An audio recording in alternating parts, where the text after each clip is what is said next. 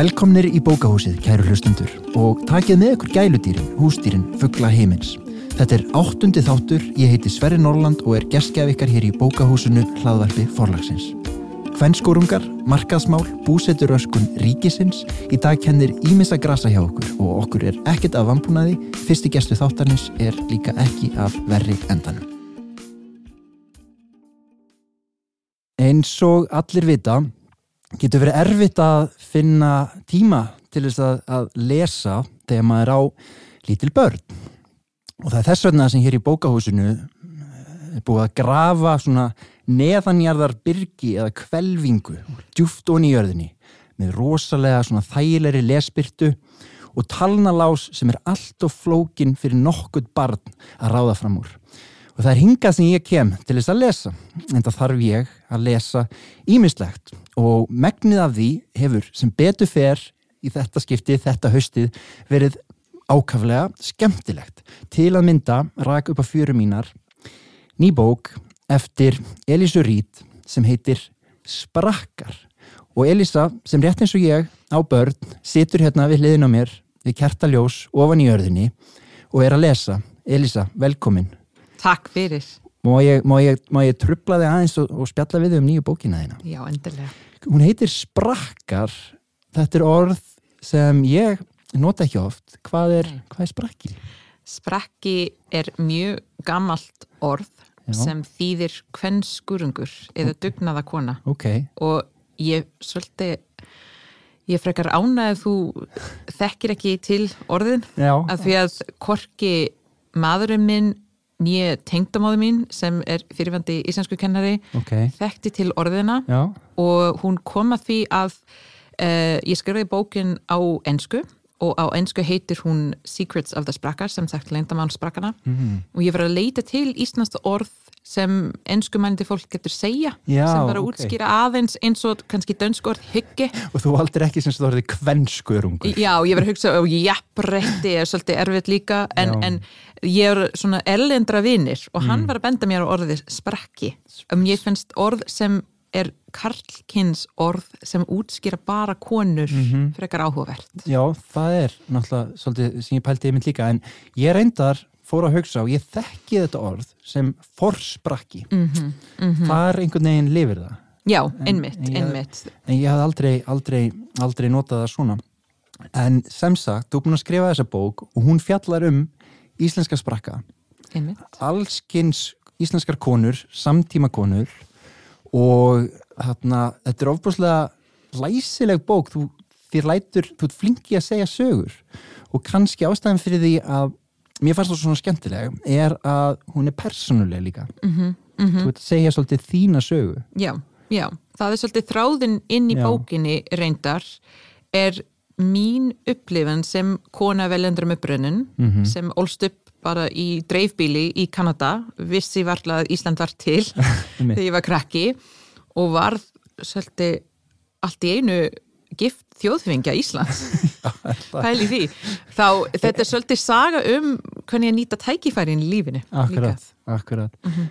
Hvar í Kanada ólstu upp? Ég ólst upp nálagt Ottawa, höfuborgin okay. og ég saði alltaf Arwa, eins og ég minn segja þetta á ennsku og Já. fólk bara þekkti þetta ekki svo ég byrjaði að segja Ottawa og þá fólk kinga okkur Já, Ottawa, einmitt, einmitt En það er sem sagt í svona drefbíli eða sveit? Já, já, það Ok. er bara mjög nálægt borginni en, en það kallaði ennsku hobbyfarm af því að mamma og pappi voru með kindir og endur og hænur en þetta var að, ekki aðalega búskapur en pappi Mm. Ok. var kennari Ok, en, en þetta var bara til gamans að hafa kindir, íslenska kindir segja. ok Og lásu þau mikið? Voru þau Já, bókafólk? algjörlega, algjörlega. Og, og já, pappi bókmyndakennari Já. og með doktorspróf í bókmyndir Ok, og mamma hérna kendi svolítið í leikskólanum og, og las fyrir okkur alveg Ok. endalaus og, og já, húsið bara fullt af bókum og ok.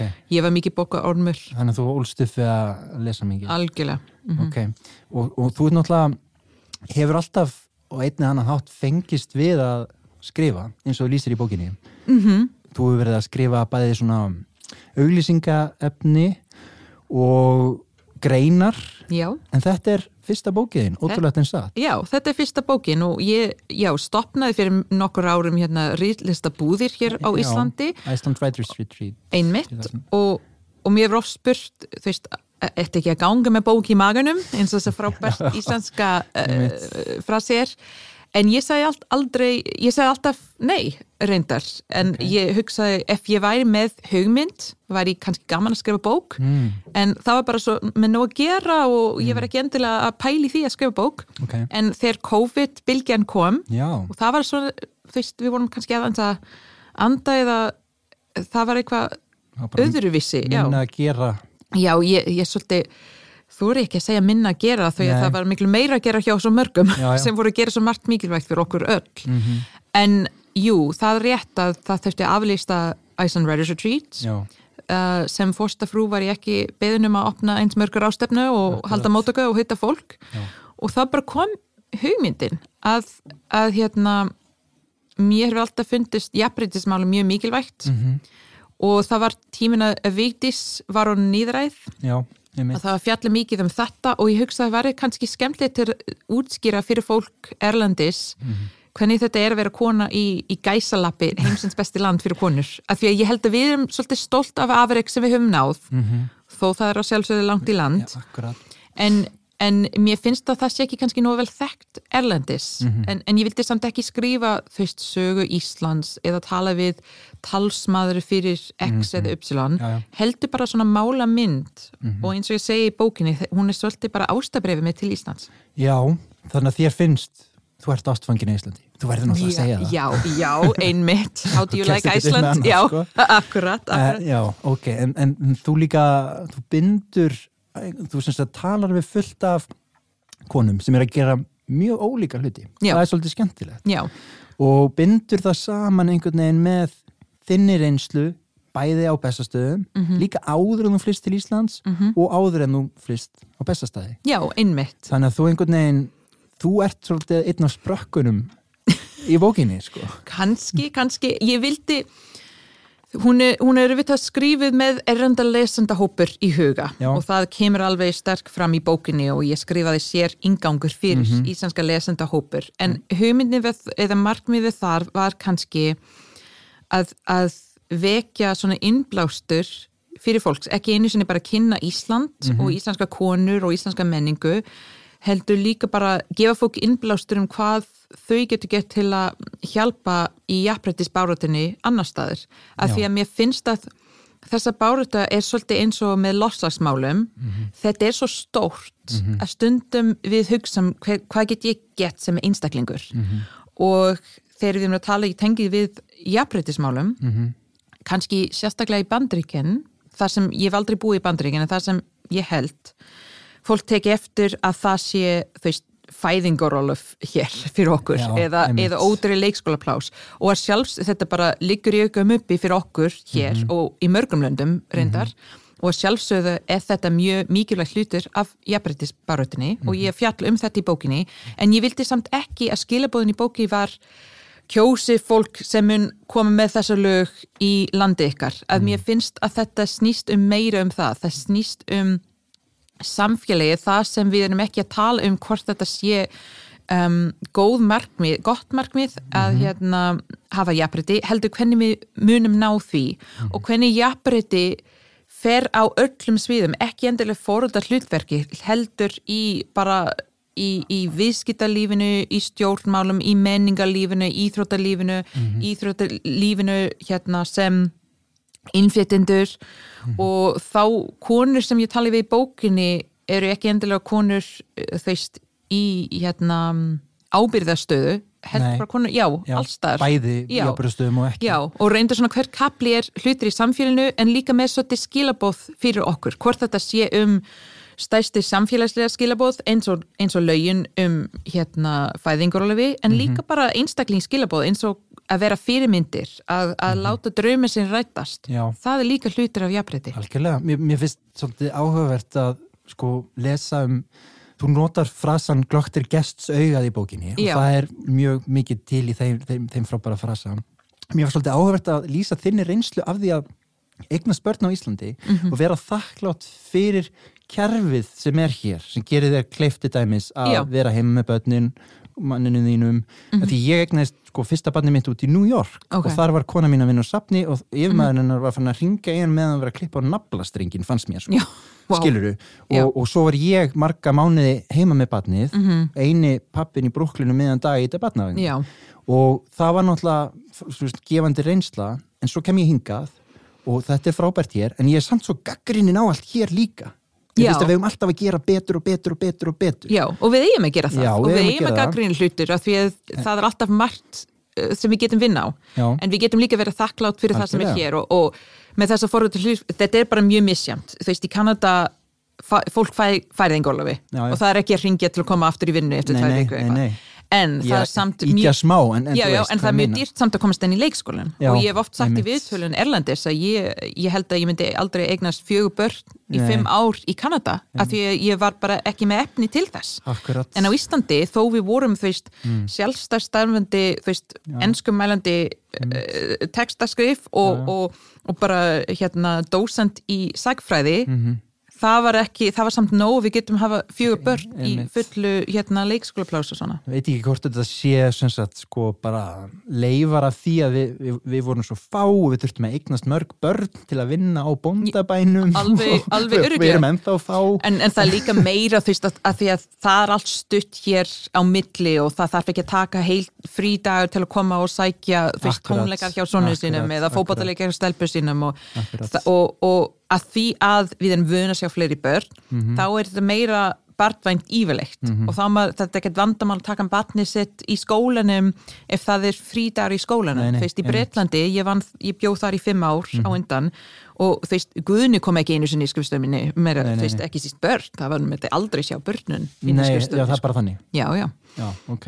Eða það var fyrir 20 ára Já, þú lí- lýsir í bókinni mitt sko bara þingkonu með batn á brjósti og Einmitt. fólki á stjórnarfundu með börnin og svona. Þetta er náttúrulega meðal annars ég sko, eða ég hef hérna þegar ég var að stopna Ice and Razor Sheet, Mhm. þá var ég færið en Górlafi og þá fór ég bara í alla kynningafundi bara með Með barni barnið. hérna, nema þegar Guðni var það í sinn fæðingólu, þá var hann með börnin En mér finnst þetta magna, það myndi einhvern veginn enginn setja sig upp á móti þessu hér sko. Nei, Fólk veit kannski ekki að maður sé með börnin sín öskrandi og hlaupandi í kringu sig allan daginn, alltaf. Mér finnst það sé kannski aðeins meira ennþá, þú veist, ef ég var að fara með barn í fund, það var bara allt í góðu barn var bara prúð og. Já, já, já, en ef það var vesinn, Já. eða ef ég var ekki með allt tilbúið, þá kannski meira mm, af hverju tókum barnið sér með Já, já. en Guðni gæti alveg fara hvar sem er með barn og ekki með neitt með sér og þá er þetta bara kruttlegt, skilu Já, ef það var svona bleiuslis eitthvað, þetta bara, já, sjáðu hann Hann er að reyna. já, ég held að sé ennþá pínu þannig, sko Ok, ég hef alveg upplifað það að ég sé mitt svona krútlegi pappin en það fyrir svolítið í töðunar á mér sko Já, einmitt. Því ég er alveg að standa mig að vel og hver annar sko. Já, akkurat. Og ég var alltaf að segja við Guðna til dæmis, þú veist, hann átti dóttir á undan mér. Þá Já, hann á að akkurat. þekki þetta betur en ég. Akkurat, akkurat. Ekki bara fá auka stig fyrir að gera það bara minnst. Nei, en, en hérna, þú seg, sagðir áðan að þessi bók væri skrifuð fyrir erlendalesendur Mhm. og ég áttum að því að það er rétt, þú skrifaðar ná ensku, Mhm. en ég er ekkit endilega, ég, ég var ekkit endilega samlega því að ég var að lesa hana, Mhm. að því að mér fannst þú lýsa mörgu mjög vel sem ég kannski þekki en hafði einhvern veginn tekið sem sjálfgefnum hlut eða ekkert líst fyrir mér sjálfur. Mm. skilur þú hvað með, veist, þannig að, þannig að mér fannst rosalega gaman af þessari svona breiðu lýsingu á íslensku samfélagi. Því ég er ekkert þessum að ég gæti Já. gert það mjög öðl ég var mjög, ég var mjög meðvitand um það þegar ég skrifa bókina að ég vildi vera eins fjölbreytt og hægt var með þessa viðmælendur. Mhm. og ég veit að það er alltaf hægt að vera með fleiri eða já, en ég var með það sérstaklega í huga og sérstaklega fyrir kannski erlendur lesendahóp sem er kannski með eitthvað ímyndum hvaða íslenska kvennskurungar eru Já, já, og ég vildi bara segja að það er alls konar. Og, og með ólíka bakgrunnun og aldur og, og trúabröð og stjættar og, og allt þetta. Og ég vona að viðmælindur og það eru næstu 40 í bókinni sumt í hópum og sumt einstaklingar já, eru ekki endilega fyrirsjáanlegt. Nei, þú veist, ef, ef ég var að segja við fólk já, hvað eru helstu kannski tíu kvennströngur sem Já, dettur í hug, einmitt. að það sé kannski ekki endilega í bókinu nei því ég vil bara segja að við getum öll vera fyrirmyndir, við getum Ja. öll vera hérna kvenskuringar eða sprakkar Og eða þe- vinir sprakkana. og, og þetta er ekkert allt einhver sigur ganga eða bara Nei, nei, eitthvað afreks fólk eða þetta er fólk sem eru upplifað er- erfiðar áskoranir og Nei, nei, nei, alls ekki. Og, og ég vildi það svo þetta tengjast. En allir eru búin að gera það sem þið vildi gera og ekki láta Mm, veist, hérna, uh, já, ekki gefast upp og ekki láta að vera kona trubla sig eða neitt en samt vildi ég ekki heldur þú veist, það er ekki endilega að segja það var erfiðra fyrir mig að því að ég var í kona mm. að því að það er ekki alltaf þannig heldur sko, ég vildi ekki búa til einhvers konar öðruvísi saga. Nei. eins og ég var til dæmis með hún Elín sem vinnur, sem er formaður í brák hérna Björgunarsveitin. Einmitt, Borganes, já. Og ég var, ég kannski fór henni í viðtali og hugsa, ég myndi kannski segja að því að það er ekki margar konur í Björgunarsveitinu það er ekki alveg jafn. Nei, og ég held kannski, ég myndi bara segja hún þurfti kannski að sanna sig meira. Mhm. en hún sagði bara þvert á móti að Já. þetta er algjört e, e, í hennar upplifan Mhm. þannig kannski að því að þetta er hvort sem er svo erfitt að komast inn í björgunarsveitinni Já. að það skipti enga máli það tekur tvö ári já, og já. þú veist, allir það að sanna sig Já, ekki konur sérstaklega eða neitt Nei, en konum er að fjölga, sagði það ekki líka? Jú, jú, einmitt, einmitt en þetta var svolítið með svona kinnblinda hefði maður Já. notað þann orð samfélag og þá er þetta bara fínt og ég seti þetta þannig Mhm. inn Ég fór að hugsa, sko, Potjett ekki ég, Jú, jú, við gætum þetta alveg. Þetta er bara að hafa svolítið fyrir því, sko. Ekki gefast upp en þarna, hvernig valdur viðmælendurna? Var það bara Það var svolítið blanda reyndar. Ég var hérna, fyrst var ég kannski að hugsa um svæðin sem ég, vildi tala um fórhaldar hlutverki og, Já, og hérna, já, já, fyrst. Svo fólk sem ég þekkti kannski, af því að tengingu til dæmis hún, hérna, Ragga sem er kynlífsráðgjafi, Mhm. af því að þetta svæði líka svo stórt hlutir af jafnbreytismálum og er kannski öðruvissi í eh, svona, ég veit ekki orðafæðu sem svona kynlífsmenningu, Mhm, það já, orðið, er já bara hérna er kannski öðruvísi hér sem ég vildi aðeins útskýra Mhm. en ég þekki röggu að því að ég skrifaði greininu sinni þegar hún var að kenna hérna prjónanámskið Ok. og mér fannst þetta líka svolítið dæmi gert um hvað við erum alltaf með marga hattar á Já, Íslandi já, ég, einmitt. Um, og, og fyrst í kaplinum hérna vinnumarkaðurinn, ég vildi Mhm. líka útskýra þessa stóra svæði fyrir vinnuaflið á Íslandi Mhm. þá er það bara ferðamála, þá er hérna fiskivinnsla Einmitt. og þá er orkumála Einmitt. og ég tók viðtölu þessu Einmitt. en annars ég veist, ég viti taka viðtal við kvennfélagskonur þá ég Já, talaði við einhvað sem talaði við einhvað sem þekkti svona kvennfélagskona út á landi Einmitt. sem auðvitað er ekki endilega þjóðþekkt Nei, en bara frábærar já, konur. þú fer svona í gegnum og, og þarna eins og dæmis nýsköpun og atvinnulífið, menningin og þar finnur þú svona á, á hverjum stað. einmitt, Svo talar þú líka við konur, sko, innflytendur sem hafa, þú veist, stopnaði eitthvað hér, gert eitthvað hér og svona upplifum þeirra. akkurat, akkurat. Ég var að hugsa mikið um þessa innflytjendakablin af því að fyrst og fremst, þú veist, við erum 50%, 15% af landinu núna, eða meira reyndar, þú veist, það tel- Fjölga hratt á fjölga stuttum hratt, meira fólk með er, erlanda ríkisborgarar heldur en eldri borgarar. Já, og mér finnst þetta eina stæsta áskorun ef við ætlum að ná jafnbreyti er ekki að gleyma neinu. Ég verður að tala um skilabóðu hver kapli og, og skilabóðun í innflytjendakaplin er ekki að gleyma neinu. Og ég held að stundum við erum að gleyma fólk að velja undir um upprunun en samt ég vildi koma fram að það er engin það er engin svona dæmigert innflytjendur. Við erum ákvæmslega ólíkir, ólíkir bakgrunn bakgrunnur og reynslu og upplifun Akkurat. og ég kannski fel í þann stærsta fórindinda hópur af innflytjenda fólkinu Mhm. en ég vildi samt útskýra, gefa svona nokkru dæmi sem var að útskýra hérna áskorun sem við erum með sem innflytjendur hér, Mhm. án þess að segja að innflytjenda konur er einhvers konar fornalum hér sem er alls ekki þannig. Nei. þá uh, konurnar sem ég tali við í þennan kapli ég var að velja aðeins til að útskýra einhverja frá Mexiko sem er frá Vopnafyrði auðvitað eru öðruvísi áskonum að búa í vopnafyrði Mhm. sem kona velendar um uppröðin heldur en í miðbænum. En þó það er bara mörgum leitt flott að búa á vopnafyrði Mm Og kannski Um, í svona rosalega litlu samfélagi annarkot er þeir tekið opnum örmum Já. eða ekki kannski Já, en það er líka þetta, veist, til dæmis vopnafyrði er ofbáslega fjörbreytt samfélag Já, fólk kemur frá einmitt, mörgum löndum þar einmitt. en það er samt kannski erfitt aðeins en að komast inn og svo tala við Claudia Wilson sem er fyrsta konu velendur um upprönnun Mhm. um, sem til að fá uh, lögfræði rétt á Íslandi Einmitt. en hún kemur frá Jamaica Já. og ef vera konar sem velundur með sem lítur aðeins öðruvísi út Mhm. kemur með sér öðruvísi áskorun Mhm. Og svo ég tala við uh, konu sem ég kallaði Rose í bókinni Mhm. að því ég viti fjalla um kynveðisofbeldi Mhm. og hérna og það eru um, fleiri, þú veist, umdabil 50% af konur sem eru á hvernig atkveðinu eru að velja um upprunun Mm.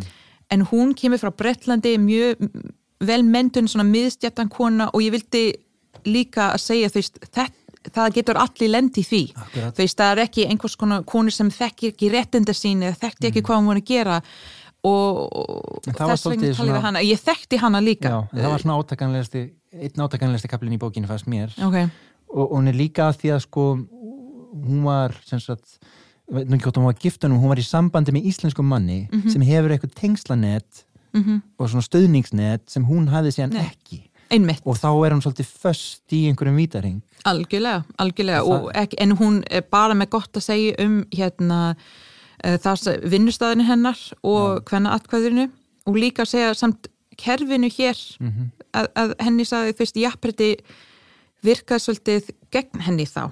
Já, því að þetta var- er svo erfitt að sanna ofbeldi Já, og þá er kerfið bara að segja þá allir á svona rétt en það var áhugavert þú veist að lýsa því að það vildu allir hjálpa en rákust allir á einmitt, eitthvað Einmitt. svona computer says no Akkurat, einmitt eins Það og hún sagði þetta ég, þetta kom svolítið óvert hjá mér líka Já. það var annu viðtal þegar ég var að byrja að tala við hana Mm. að ég hugsaði að hún ætla bara að segja að þetta bara heppin að vera á Íslandi þegar Mhm. það gerist að því að við erum svo bara réttlæskerfi og reynda hún sagði að þetta var svolítið að vinna á Mhm. móti henni En það, þar bendur líka á okkar sem er náttúrulega bara mjög mikil það er ekki nóg að vilja gera betur það er að búa til kerfi sem bara tryggir að það gerist. Akkurat, og, og, og þetta tengst kannski ekki einu sinni heimilistofbeldi en kynverðislegt ofbeldi yfirleitt að við sáum bara á Norðurlöndum almennt Já. að það er miklu fleiri tilkynntir um uh, kynverðisofbeldi hér hér en, en við vitum ekki af hverju, við vonum ef við getum sagt þetta, að því að þetta er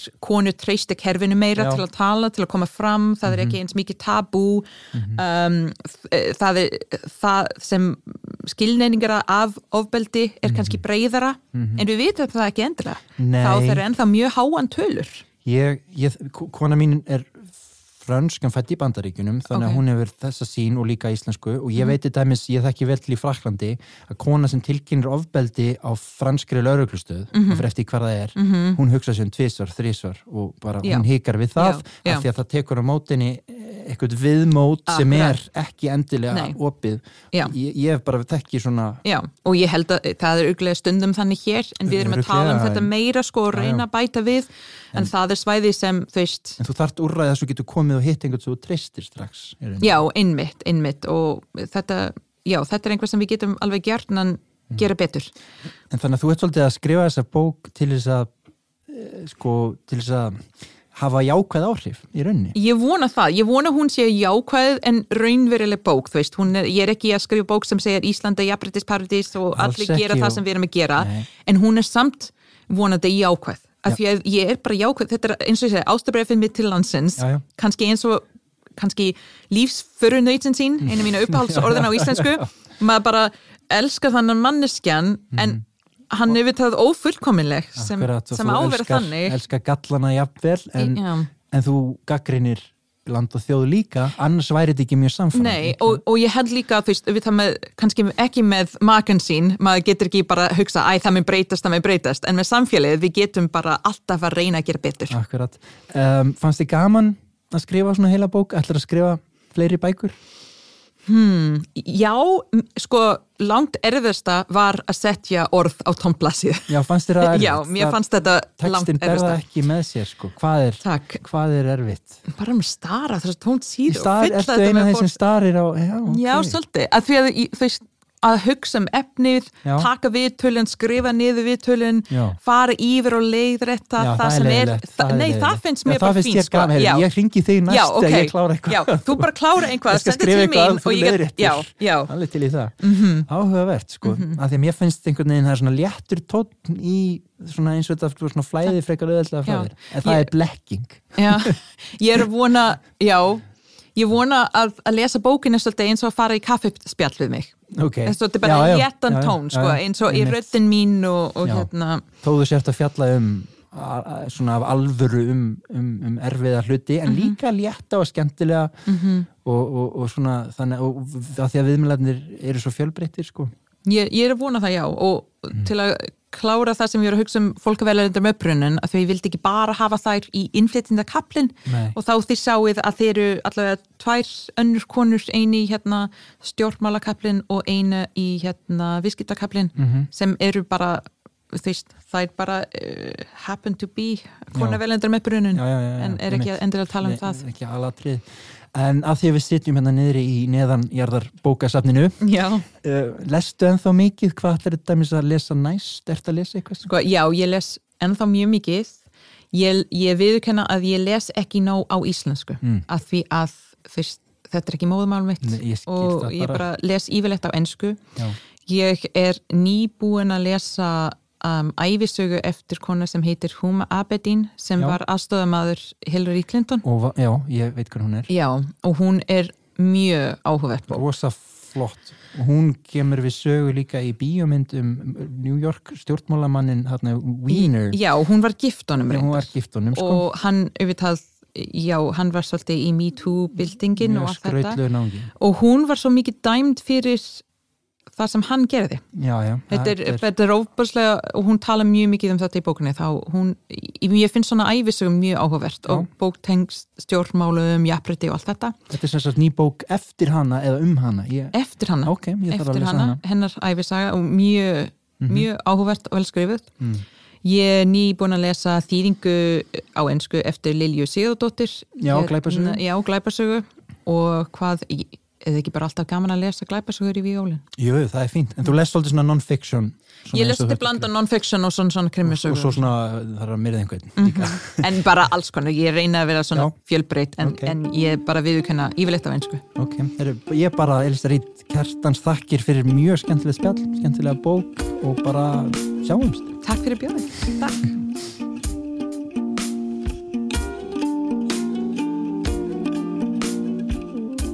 Jæja, ég er hér í litlum árabátt á leðinni á Sveitaball í bókahúsinu. En ég er ekki einn, með mér er Benny Sif Ísleifsdóttir og mér sínist að henni sjóri svolítið flögurt. Mér raunar líður ekkert sérlega vel heldur. Hvernig, hvernig er ástandið á þér, Benny? Já, já, þá er gott að vera með sjóveiki kók eins og pappi kallaði það. Sjóveiki kók? Sjóveiki kók, það er svona flatt kók sem búið að standa lengi. Já, já og, og svona allt loftið farið og, og hérna búið að ná svona góðum herbyggisita sem var hérna svona hittin í káetunni hjá hann sko. Þannig ég fór með honum, fór með honum nokkur sinnum að hann var skipstöri og hérna í þau skipti sem ég fór þá þetta var í sjóvik og þá var manni borðið kók sem fekk nafni sjóviki kók En var þetta ekki þessu. bara svona blekkingarlið til, til að leika á barnið? Jú líklega en þetta hafi góð áhrif sko. Já, okay. áhugavert Já, þannig ef þú ert einhvern tíman til sjós og verður sjóugur þá færið kóken og þú ert að láta það standa svolítið Ég sé að nokkrir farþega hérna í bátnum sem er nú ekki stór e, eru hérna hafa sögt sér honni í skáldsöðu sem heitir Djúpið Er þetta ekki nýja bókin þín? Þetta er nýja bókin mín Hva, Hvað táknar þessi titil, Djúpið? Um, þetta svona við fyrstu sín um, þá tengist þetta staðnum sem sagan gerist á sem er Reykjanes við Ísafjörðardjúb mm -hmm. en svo þeir eru búið að lesa svolítið lengra þá svona finna lesandur kannski aðrar tengingar.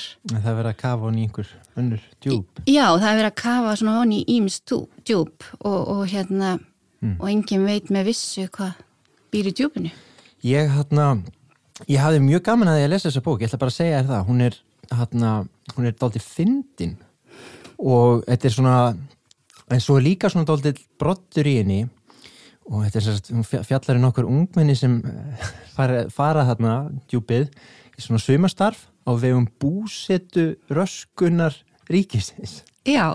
Hva, hvað er það?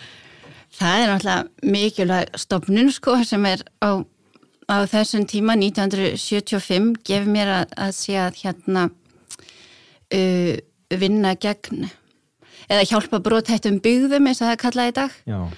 og þarna við djúpið á þessum tíma þá er eitthvað að fara að strjálast svona af fólki og, Mhm. og hérna og svona einhæfni atvinnuháttum og Einmitt. það er ekki alveg nógu mikið af mjólk og, og hérna þannig að það þarf eitthvað svona að fara að Já. koma með einhverju svona örfunarspröytur Þannig að hún Valborg aðalpersonan, hún er einn þeirra sem, sem eru valin til þess að fara þarna ásamt mjög kostulegri annari ungri konu sem heitir Ellen já, sem er svona rosalega út á við fyrirsæta, grönn og svona geislandi. En hún Valborg er allavega að eigin mati við kannski vitum ekki alveg hvort það sé mm, svolítið líka henni eða ekki. Hún er svolítið svona luralegri og hæg og proffi og það er myndað svolítið svona kostulegt tvíeiki. Um, hva, hva, af, og svo eru náttúrulega einhverju svona ungi strákar í, í kringu þær sem eru í umsum hérna tóga hvaða, hvaða hópur er þetta? Er þetta allt skáldaða personur? Er þetta stiðast við einhverjar? e, þetta er allt skáldaða personur en, en hérna einmitt eins og þú kemur rétt leina og að Valborg var valinn í verkefnið Já.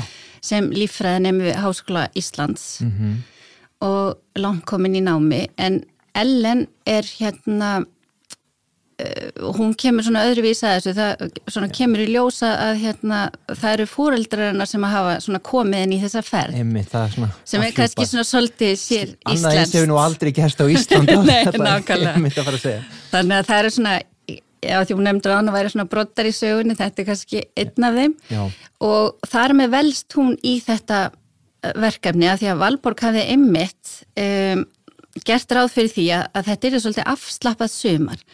Að hún yrði þarna með svona raunvísinda fólki sem að hún þekkir að því að vera svolítið svona einmitt svona profalegt Já. og, og svona ekkert geðett smart. Og, og það hún sér fyrir sig þessa afslöppun gagvart útliti sem að henni finnst hún ekki hérna, henni finnst hún ekki vera svo fögur og, og fær þarna þennan speil sem er Ellen Ellert Mhm. og þetta er náttúrulega svo gamalt um, að því það er svo mikið talað um í nútímanum að það sé svo mikið álag út af samfélagsmiðlum. Við sem alltaf speikla okkur við aðra og sérstaklega sé þetta álag fyrir ungt fólk og þá oft sérstaklega tala um unga stúlkur sem sé að bera sér saman við aðrar. En ef við þurfum ekki nema að líta nema til ævintýra ef við skoðum bara mjallkvíti Já, já, speil, speil. Já, já. Að þetta er náttúrulega alveg eldgamalt að við séum að spekla okkur í öðrum og, og hérna og það, samaburðin fer eftir því sko.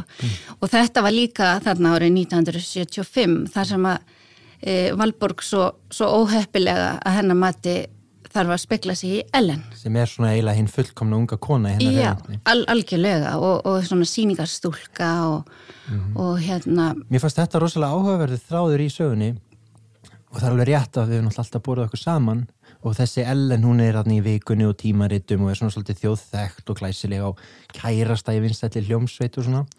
En hafði kannski bara svona herst á þessu jafnvel í setni Já. tíðið það ekki? Jú, myndirnar viss- eru allstaður og skilabóði Já, vissulega, ég er ekki að gera lítið úr því sko.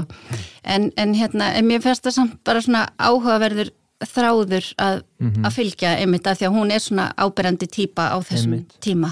Og svo fannst mér annað mjög aðtiklisverð þetta er bara einn af mörgum svona þráðunum í verkinu náttúrulega aðal kannski aðalþráðurinn er þarna, þau eru að rannsaka svæðið og velta fyrir sér svona mögulegum atvinnuvegum sem er að þróa þar.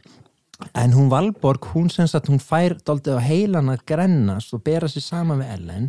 Og það liggur við á tímabili Ellen verður hérna ólétt eða kemur í ljósa hún er ólétt að það fær að snúast við hérna, hérna sko hlutverkin hjá þeim að, að hún Valborg var að verða grenri jafnir en Ellen. Já, og það er svolítið svona ævintýra bragur að þú nefndir ævintýri fannst mér á, á því já, einmitt. Já, þar sem að Ellen fer að tútna út Já. og, og hérna og Valborg fer að ná að hérna árangri í mörguninni Já, og verður færið algjörlega heilan fyrir að algjörlega mótnana eða já. trimma svona og, Já, og af hverju er þetta svona hugleikið? Hvern, hvern manns líka minna þessi fixasjón á að vera grannur og, og allt þetta? Þetta, þetta verður svolítið kostulegt í sögunni það er Já. líka eitthvað svona pínu óhugnulegt mm þarna er þetta svona valla farið að tala um þetta uh, á þessum tíma.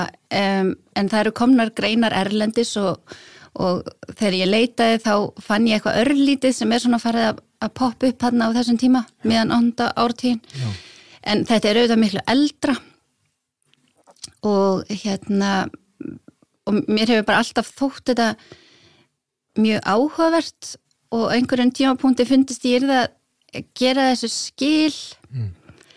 og, og hérna fannst einhvern veginn bara henda inn í þessa sögu sko. Já og það gerir það líka því að þetta setur þetta svolítið kostulegt samingi að hún Valborg er þarna að fara um með öðrum og, og heimsækja bæina líka Já. og það er alltaf að vera að bjóða upp einhverja naldórur og, og rjóma og, og pönnukökur og hún er að reyna að borða ekki á mikið en hún er að vera ekki dónaleg Já. og þú talar um það hvernig krakkar þittn oft í sveitinni og svona Já, eins og hafið komið fyrir Valborgauð mitt Já. þegar hún fór hann sem barn eða já, svona snem unglingur Einmitt. Er þetta þessar áhyggjur eða þessi sko, það vilja allir svona einhvern veginn geta hugsað um gestina og vera svolítið svona flott flott sko eins og ertu líka að lýsa að kannski komin gött og föttin en veitingarnar eru ómótstæðilegar já. já, já, þetta er svona vingi ímsaráttir og, og hérna en nokkuð Leif, ég held ég lef mér að segja þetta séu svolítið raunsönn lýsing af sveitalífi á þessum tíma. Eins og allavega eins og Valborg sér það þar sem henni finnst allt vera nokkrum órum og eftir mm -hmm. þarna með hvað hún þekkir og eins og hún man eftir því frá því hún fór sem unglingur. Og hérna en svo er þetta svona það er pínu vink hann líka í átjónsortinnar sko. Já. hans hérna undir undir jökli Þú þekkir hennar heim afskaplega vel af hverju þekkir hennar heim svona vel? Uh, sko ég er auðvitað sjálf utan að landi uh, fætt á alveg upp á Eskifyrði um, og hérna pappi er hérna fættur upp alveg í djúbunu Já að þetta er nú bara í útvarpi en ég er hérna með hálsmenn sem að sínir skötufjörð já, já. sem er hérna fæðingarfjörður föðumís mm. og hérna sem aðra minn leti einhvern tíman útbúið fyrir mig og gaf mér jólgjöf því ég er ofskaplega væntum ável við þessa sögu.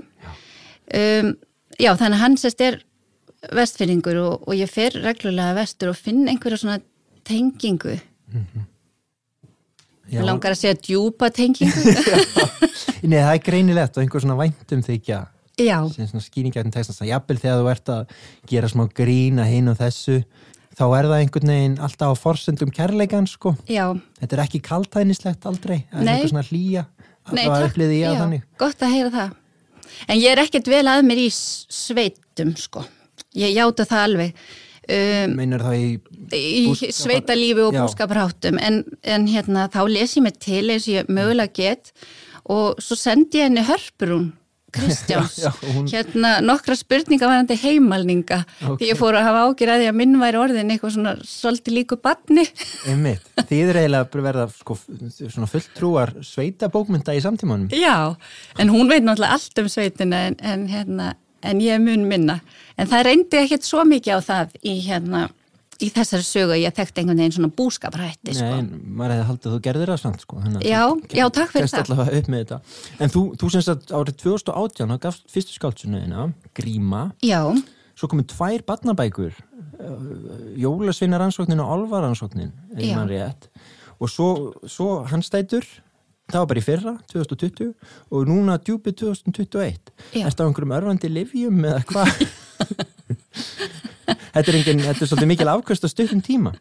Nei, það lýsi ekki bara svona örfandinga fullum aldri. Ok.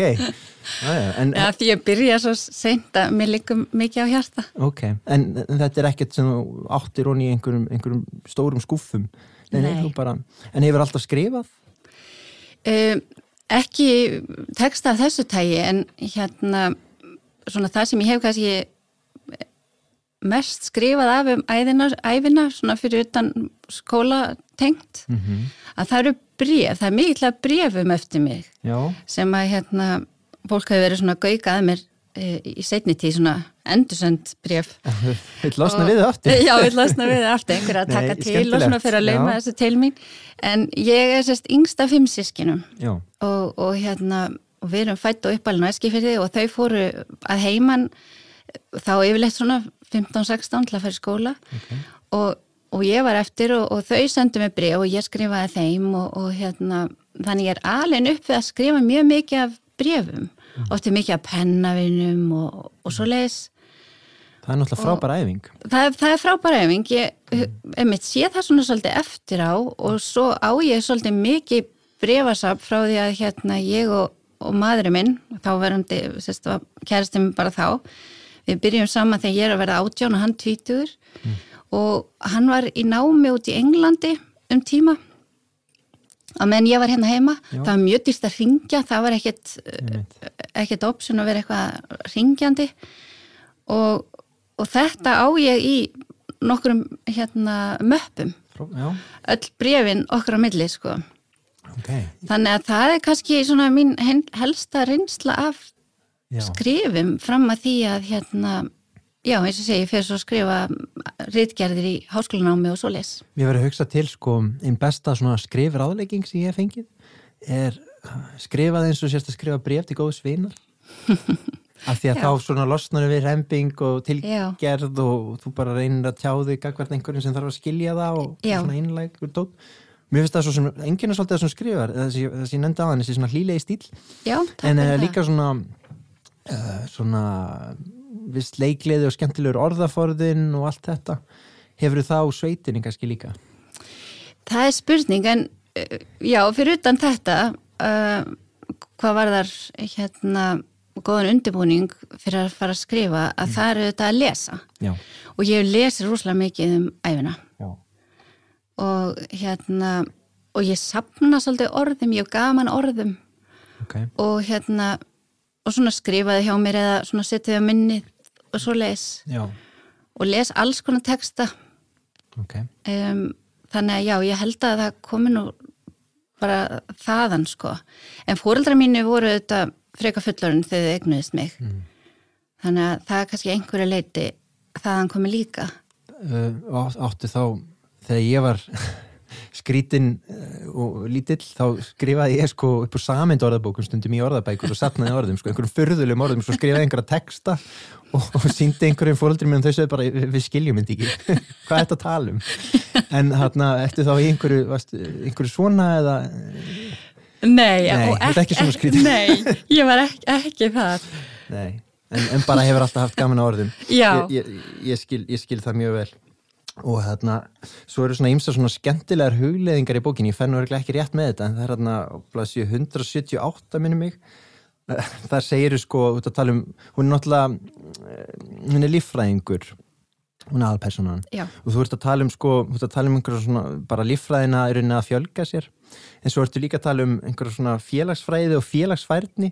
Og þú segir að, að við séum miklu flinkari í, í líffræðina fjölga okkur en kannski félags fræðinni eða færninni og væri þetta á hinvegin og við allt tegundurinnar byggðist á félagsfærni og væri kannski allstaðar jafn fámynd og í djúpinu Já, guð, guð Mér fannst þetta mjög fyndið en mér fannst þetta líka að lýsa svona svolítið nöturleiri sín á manginni eru, eru við svona uh, ófélagsfær tegund? Ég hugsa við höfum verið að 1975 ég held að við séum komið svolítið langt síðan þá Já, þið finnst það? Já, ég held það nú sko. Flinkar að tjá okkur? Já, mér finnst það það er svolítið áhugavert. Við erum kannski tjáum okkur síður í brefaskrifum Svona, og það er viss missir af því það er viss, viss missir af því, já. En við erum flinkar að tala. Já, ég, ég held það. Mm. og, og, og það er svolítið fyndin líka þegar þau eru að fara átna á bæina og þau sitja og þau tala um veðrið og eitthvað svona og svo bara þeia þau og einhver jæjar og svona. Þekkir þetta einrein já, já, ég, ég þekki svona týpur sem er góður í að þeia okay. en það er auðvitað mjög gott að þeia með fólki. Já, það er svo gott að þeia með þeim sem henni þykir vendum og... Já, en sumin á svona knýja bara fram þögn og til líður kannski aldrei vel með það, Já, það en, en það er einhvern veginn svona ekkert stætt á öðru og, og eins og í þessu tilviki þegar þetta er einhver svona yfirbóðariðin mm að þá er konu eins og Valborg, hún er ekki að fara gegn þín eitt. Nei, og loka svona alveg á að maður komist inn að kjarna viðkomandi. Já, sumi fyrst bara óþarf að vera eitthvað að tala ef það er ekki neitt sérstætt að segja. Nei, nei, einmitt. Svo eru aðeins sem tala linnulöst. Já, og kannski ekki um neitt að viti. Nei, nei, ég þekki og er kannski eitthvað nýtt. Þannig að svo fannst mér líka mjög fyndið, það er, er einmitt sveitabal og við erum náttúrulega leiðin á sveitabal núna og mér finnst nú flökurinn aðeins farin að reyna í mínu að það svona hjálpar að spjalla. En þar segir sko ef það er hljómsveit sem er skipuð sko heimamönnum að spila á ballinu og það kemur einhver undir þá, þá er einhver svona myndist einhver svona djúpur rót eða svona verði viðkomandi sko barnið heimakert Já. en ef það er aðkomusveit sem er að spila Já. kannski að sunnan eða eitthvað mm. þá verði barnið sem kemur undir á ballinu rótlust er, er þetta ein... þetta er mín kenning. Já, mér finnst bara það mjög samfærandi Já, já Það er einhvern veginn svona hlýtur þetta að vera að svona megnið af fólki finnur fyrir þessari römmu taug sem að dregur það eh, til hérna í sína heimasveit og heimabyggð. Já. En svo er alltaf svona nokkri sem að geta bara farið og, og hérna látið eins og ekkert sé. Nei, en í sögun er sá nú kannski svolítið svona litið á hann sem hálf gerðan svona rapp. Já, hann er svolítið rappur sko. Já.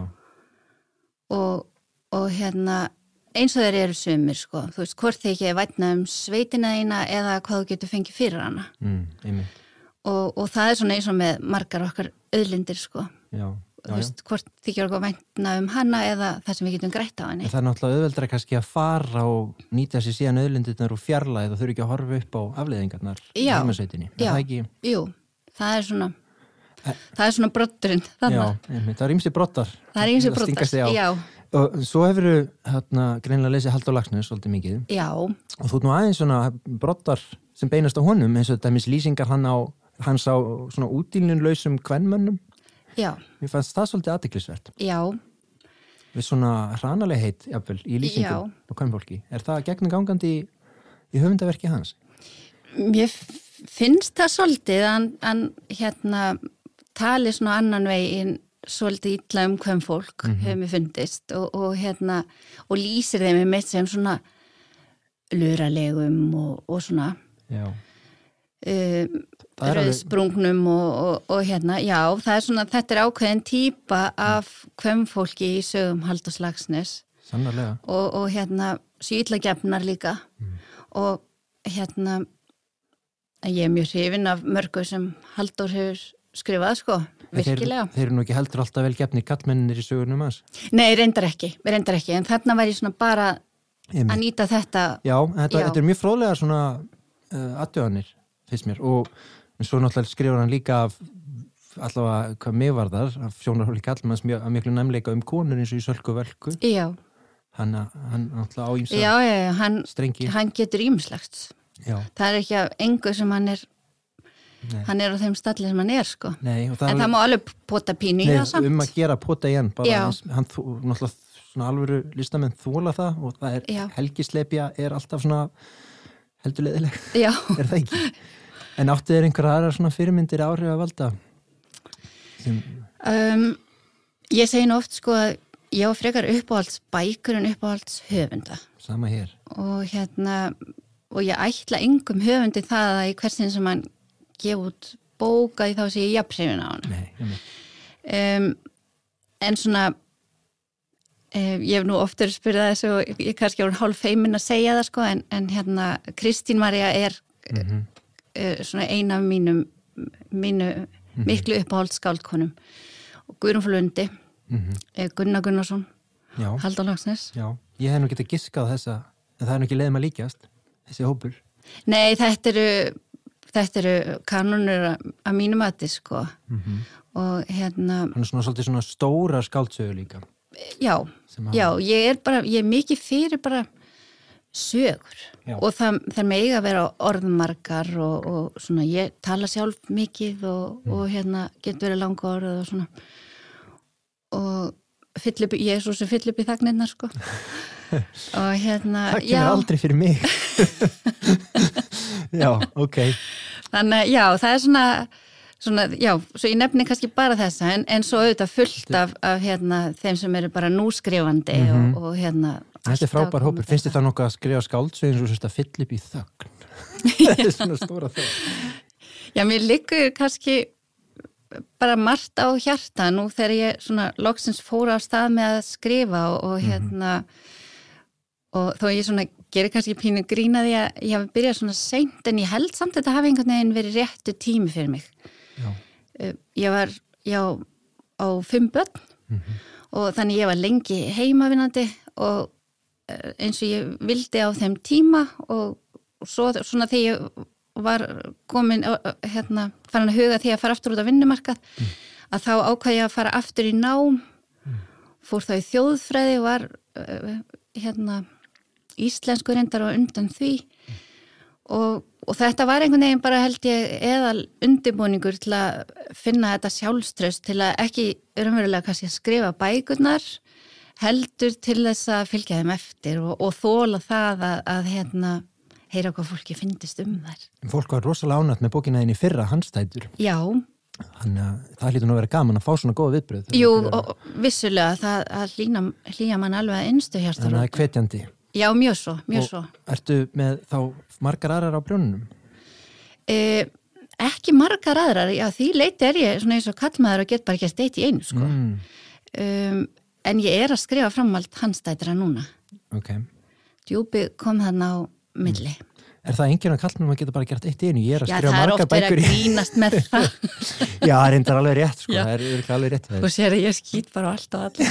Já, en um að gera þrjuma, þrjuma, hérna, kjátttökum í allar áttir, sko. En, heyrðu, já. en nei, ég er ekkert með eitthvað svona nokkur handrit og vinn smá hér og smá það. Nei, það er ekki mjög óheilbritt líka. Já, örgulega. ég held að get alveg vart að það. En nú heyri ég að einhverja fallega harmoníku tónlist, ef við ekki að fara að vipp okkur inn á ballið. Jú, að að hitta eins og upp í fjörnum það er þá, hei, það þá heimabandið. Já, góða, skemmtun. Takk fyrir sömu takk fyrir leiðis.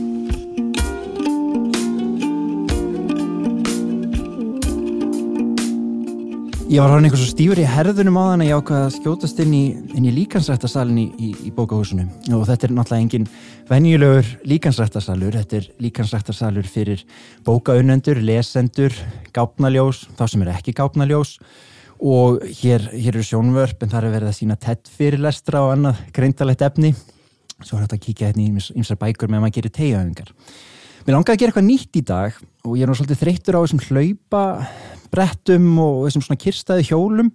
Og ég sá hérna tvær konur á hamstra hjólum og ég ákvaða að fara hérna á hliðinaðum og, og læða mér sjálfur inn í hamstra hjól Þetta eru þær Embla Ír Teitsdóttir og Guðrún Norrfjörð Það er, það er kannski ekki tilviljun að þið séu hérna inn í svona, svona hamstra hjólum í rættinni Við erum alltaf hamstra hjólinn. Já, þetta er svona tákgrænt fyrir, fyrir ykkar starf. Ó já, sérstaklega þessum árstíma, náttúrulega, Já, sem er haustið og, Jú, og fyrir jólin. Jólavertíðin, Það var mikið að gera. Já. Það var nú gott að geta teikt aðeins úr sér í ræktinu Já, og náðu sér.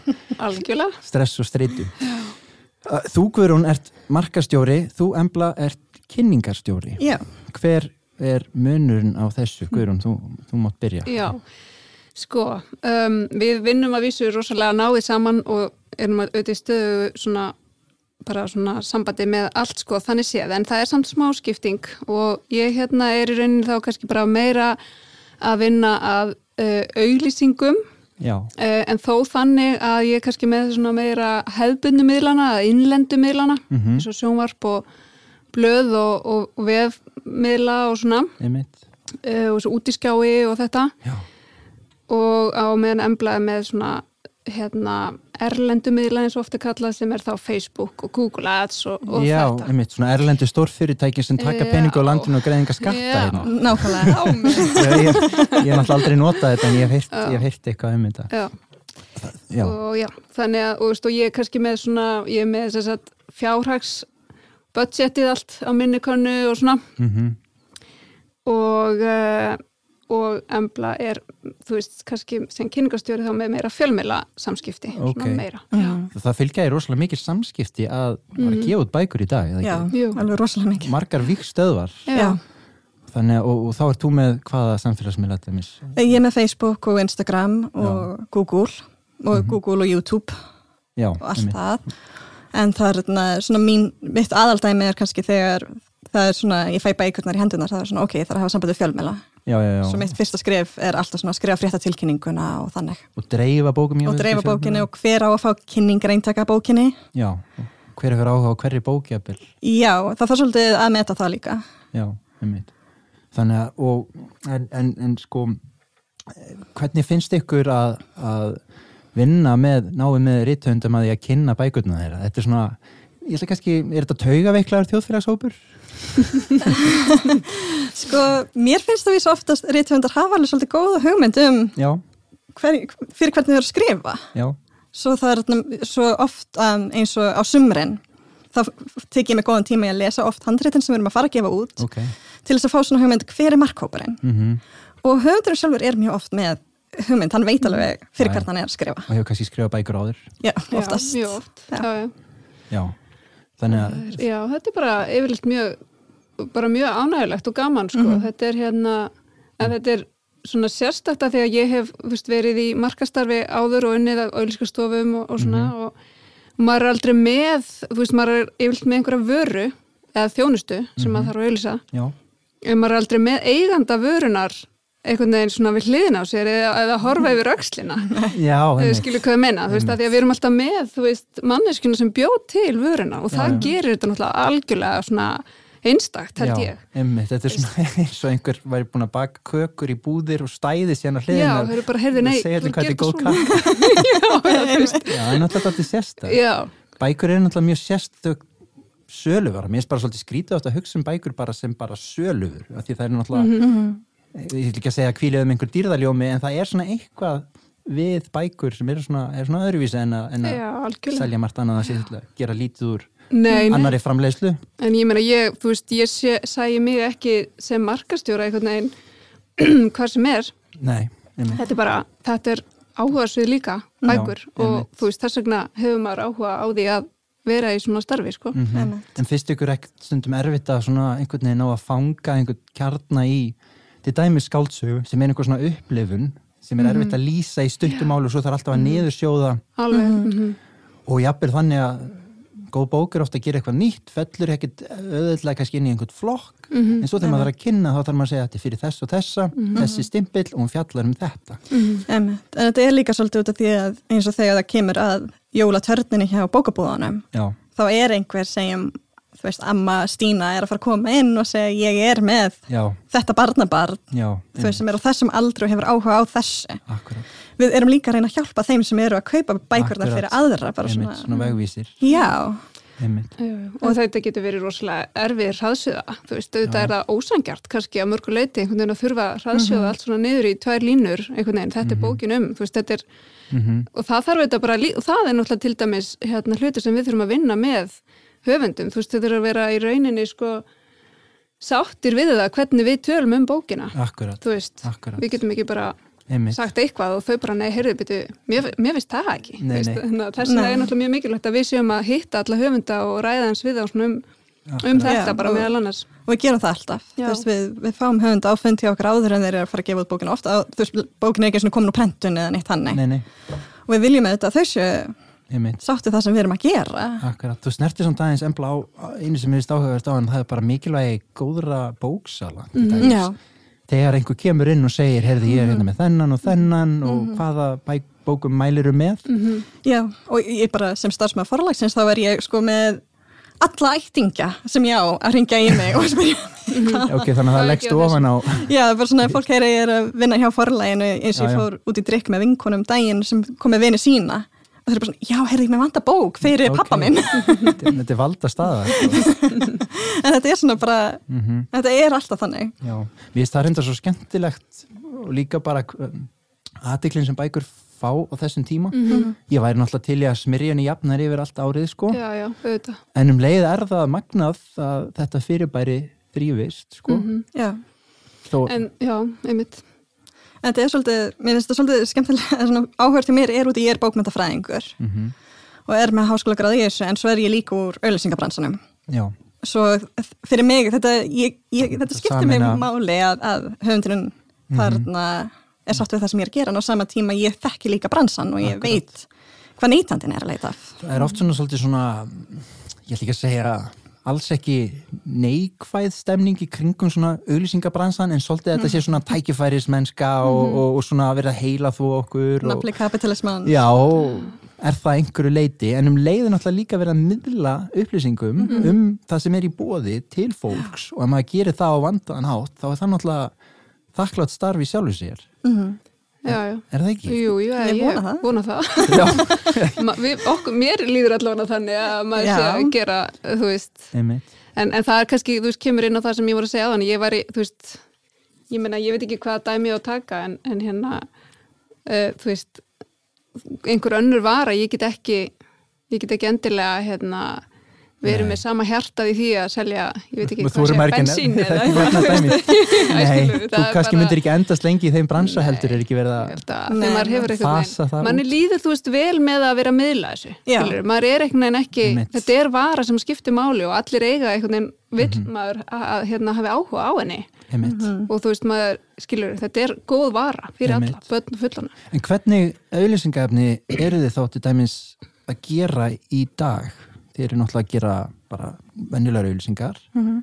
kannski einhverjar útasauðlýsingar, en ég hafði líka myndbönd með þessum viðtölu höfund, höfunda mm já, og, og, og allskinn svona. Það hlýta að reynir á dálítið svona margt. Já, sko, við vorum með eins og í fyrra út af COVID, það voru engir upplæstar eða neitt hannig, Nei. svo gerum þarna myndböndin Einmitt. sem voru tekin upp á fiskislóð, þarna í bókabóðun okkar Já. og ég vísi bara fekk að tölupóst nýlega að þá var fyrir að segja að elli heimili voru að nota þetta mjög mikið í fyrra Já. og hvort við ætlum ekki að gera þetta aftur. aftur. Og mér fannst það svolítið áhugavert. Mm. það var rauninni bara uh, upplestrar sko, sem að við settum þá út á netið, Mhm. þannig að fólk að torta það bara í sínum einn tíma ákveðni sem er Ok. En þetta var líka rosalega vinna sko, sem fór í Já. þetta og hérna, en það var bara kýlt á það þá, við erum ekki að gera þetta í ár nema mjög litlu leiti sko Einmitt. Mhm. en við það hefum eru, tekið svona suma í einhver svona myndbanda eða svona auglýsingagerð kannski Mhm. þar sem að höfundar eru svona að segja frá bókinni það er, en, en það eru náttúrulega einhverju viðbyrðir í ár eins og bókakonfekt og svo. Já, við náðum bara einu það kvöldi. náði bara einu af Já, því út af þessum samtíðu takmörkum. En ég náði alveg öllum hófunum sem ég var mjög sátt út af því að af stóru hluti af starfinu mínu er útgáfhófin. Mhm. Ég held ég náði með öllum, næst í enn. Bara, Já, það er frábært en það var svolítið langt tímabil að hlýtur að vera mjög erfitt fyrir höfundan og ég þekki það sjálfur mm -hmm. að fresta útgáfa hjá mér að vera Já. búin að vinna einhver og svo alltaf bjóða fólki svo já, kemur hittur engan en, Nei, en ef ég bókin veit það. fær góða viðtökur þá náttúrulega er það frábært en, en það er svolítið skrítið þetta er svona einhver loka nýkkur á einhverju ferli það skiptir oft kannski bara mestu máli fyrir höfundin sjálfan Já, að halda svona já, bara, og sig. þú veist bara, hei, hérna er hún bara komin og bóki mín og Mhm. en, en hérna en já, það, við náðum þessu núna svona fyrir jólin, eiginlega öllum já. og, en því miður bara einu konfetti Já, uh, en það er einhverjir svona bókasöfnin er að standa sig ágætlega í svona og er að Já, taka mjög. eitthvað upp og, og hérna haldið að það sé komið til að vera jafnvel svona viðbyrðir sem er Já. miðlaði við netið í staðin fyrir og jafnvel viðbyrðir í eigin personu eða sem fólk heitist og líka miðlað Já, það væri kannski frekar, eða Já. veist, ég held að fólk finni alveg að þetta er ekki alveg að sama, Nei, að koma saman og, og þú veist bara, það, ég minna að það var, við náðum að halda eitt konfekt og það var fullt út í dyrum og, og hérna, mikill áhuga að halda því áfram, en þú veist, fólki finnst gott að hittast. Já. fólki finnst gaman og að lesa og gott að hittast. Já, sko. þetta það er breytist ekkert. góð nærvera og, og bara góð stund, sko. Já, einmitt. Og, en þú veist, mögulega þetta að hérna miðlaði líka á sama tíma yfir neti fyrir þá sem ekki komast eða að búa ekki Minnst- á höfubarkusvæðinu. Mér finnst áhugavert að þið nefndu elli heimilin Mm og örgulega margir góði lesendu þar ég þarna fyrra stýrði einhverjum svona bókmynda svona samtölum og það voru oft miklu fleiri sem horfðu á það en hefðu nokkur sinni mætt á einhvern viðburð. Mörg mörg hundru manns sáu það á netinu já. jafnvel í rauntíma Mm en svo mæta hann alltaf færri á staðinu mér finnst það svolítið áhugavert. Þegar þá er Já. búið að svona vika En ég held að það geti með verið tengt því að, að fólk sem býr ekki á höfuborgarsvæðinu, jafnvel ekki á Íslandi, geta horft á þetta. einmitt og svona fólk sem vil fylgjast með þannig að það er svolítið skemmtilegt. En, en svo þegar þarna, þessi törn klárast hvað gerir þið þá? Skálið í kampavínu og, og farið í spa Ég, ég, eða við fyrir mig, við fyrir mig frí. Já, farið að hilsuhæli einhver staðar og lesið jafnvel eina bók Já, já, við lesum nú alveg, Já. við erum ná, ná nálega að gera það. Mhm. uh, já, sko, já, við, við reynum bara að taka okkur smá jólafrí, Já, svo mætum við bara aftur í januar, það skilur bara smá frí um milli jólum nýjás og Já, já. og útgáðan Svo er, er hún fann að dreifast jafnar yfir árið finnst ykkur en var? Ég held að sé alltaf fleiri og fleiri titlar, já, hérna, svona bara sem eru að koma út á öðrum tímum, Mhm. bæði auðvitað þessar erlendu bækur sem við erum að láta þýða, Já, uh, sem eru aðalega kiljur, Já, en svo líka eitthvað einlend efni náttúrulega.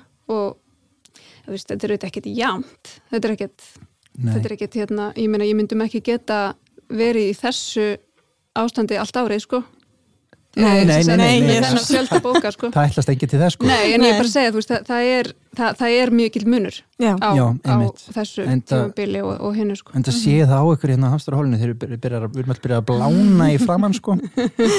Já, ég, ég, kall, ég byrja að kalla þetta bókaflóðsljótuna eins og prófljótuna hérna Þannig að vitið því það er að fá eitthvað, eitthvað svona góðan smúðing eða eitthvað svona sem er þýðing mín fyrir smúði hérna í bókahúsinu eða eitthvað ég væri til í eftir þessa líkansrætt að, að fá mér eitthvað svona prótindrykk, vitið þið það? Við erum bara að leita á hann Já, Já, Ég held að við sem meira bara í áfenginu. Við erum bara meira í áfenginu, heyrðu, ok, þá farið þið þess að það er skildi og ég er hérna í prótindrykkni, ég þarf að taka annað viðtal. Gaman að fá okkur, Guðrún og Embla. Já, Takk, takk fyrir spjallið.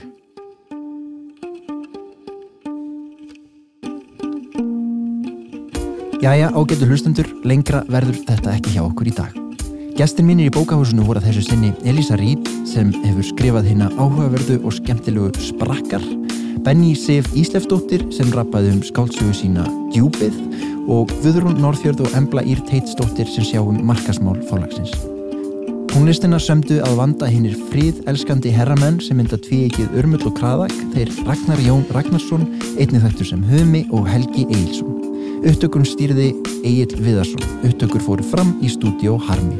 Sjálfur heiti ég Sverri Norland og er leiðsögumæður ykkar og geskjafi hér um Töfraveröld bókahúsins. Ég hlakka til að vera með ykkur á nýjan leik í næstu viku.